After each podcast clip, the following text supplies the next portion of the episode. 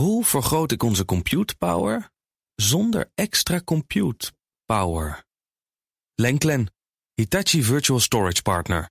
Lenklen, betrokken expertise, gedreven innovaties. Tech-update. Met Stijn Goosens. Goedemorgen. Goedemorgen. We beginnen in Sin City in Las Vegas. Daar uh, was vannacht een uh, belangrijk AI-evenement. Ja, Amazon Web Services, de cloud van Amazon, die ook met AI bezig zijn, die had haar jaarlijkse Reinvent bijeenkomst. En ja, AI stond daar uh, dus echt in het middelpunt van de belangstelling. Mijn tech-collega Joe van Buurik die is op dit moment in Las Vegas bij die bijeenkomst. En die vertelde me welk nieuws hem het meest opviel. Met deze conferentie wil de cloud-tak van Amazon heel graag laten zien dat ze nog steeds marktleider zijn. En vooral waarom. Bijvoorbeeld door serverless te worden. Dus dat uh, partijen niet meer iedere keer capaciteit hoeven bij te kopen, maar eigenlijk kunnen schalen automatisch. Maar het belangrijkste en opvallendste is nog wel Amazon Q. Eigenlijk een soort tegenhanger voor ChatGPT, maar dan vooral voor bedrijven. Dat moet dus veel verantwoorder gebruikt kunnen worden. Zonder de angst dat de data van bedrijven dan weer ook door Amazon Web Services of andere partijen gebruikt zou kunnen worden. En zo hebben ze nog wel meer innovaties hier te tonen in Las Vegas. Het is een beetje alsof Joe van Buurik de tech-update doet uh, deze ochtend. Ja. Makkelijk uitbesteed. Wil die de rest ja. ook doen? Dan ga je gewoon naar huis doen. ja, precies. Ja, de, de zakelijke AI-chatbot Amazon Q... dat was dus het grootste nieuws in ieder geval. Maar er waren meer innovaties. Uh, zo kondigen ze ook een tweede generatie van hun nieuwe AI-chip aan. Uh, die zou vier keer sneller zijn in het trainen van de AI-modellen. En heeft ook drie keer meer geheugen dan het eerste model. en daarnaast breidt Amazon Web Services ook nog eens de samenwerking met NVIDIA uit. Die zijn natuurlijk de koploper als gaat om AI-chips.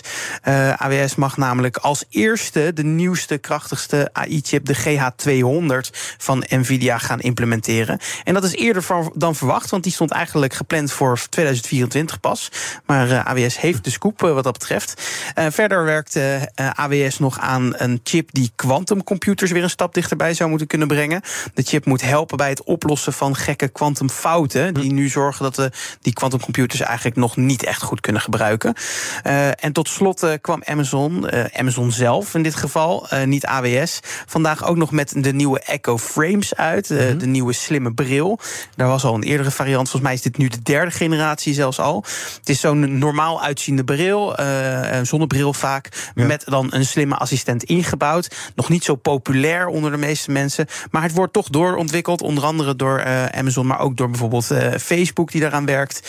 Um, ja, en deze nieuwsversie is lichter heeft een betere batterijduur, beter geluid. Kost je wel 270 dollar en je moet ervoor naar Amerika vliegen. Dus ja. nog niet echt de moeite. Ja, doe eens een keer in de schaal van hebben. Ik ben wel benieuwd. Joost er toch? Misschien kan er eentje meenemen. Ja. Dat zou mooi zijn. Ik zal het aan hem vragen. We kennen natuurlijk nog de, de faalbril van Google, de Google Glass. Waarom ja. wordt het wel een succes? Ja, dit ziet er niet zo gek uit, denk oh, ik. Dat is denk ik vooral het grootste okay. ding. Nou, ik denk dat, uh, Hij moet echt nog doorontwikkeld worden. Hoor. Het is nog niet voor de grote uh, publiek. Dat Joe misschien nog wel 270 dollar kan declareren hier. Wie weet. Uh, opnieuw een overname die tot halt geroepen is. Namelijk de deal tussen Adobe, kennen we natuurlijk allemaal, van de Reader en Photoshop en ja. Firefly nu helemaal hip. En Figma, maar dat ken ik niet. Wat is dat? Nee, Figma is een soort uh, speciaal platform voor designers om webinterfaces te ontwerpen.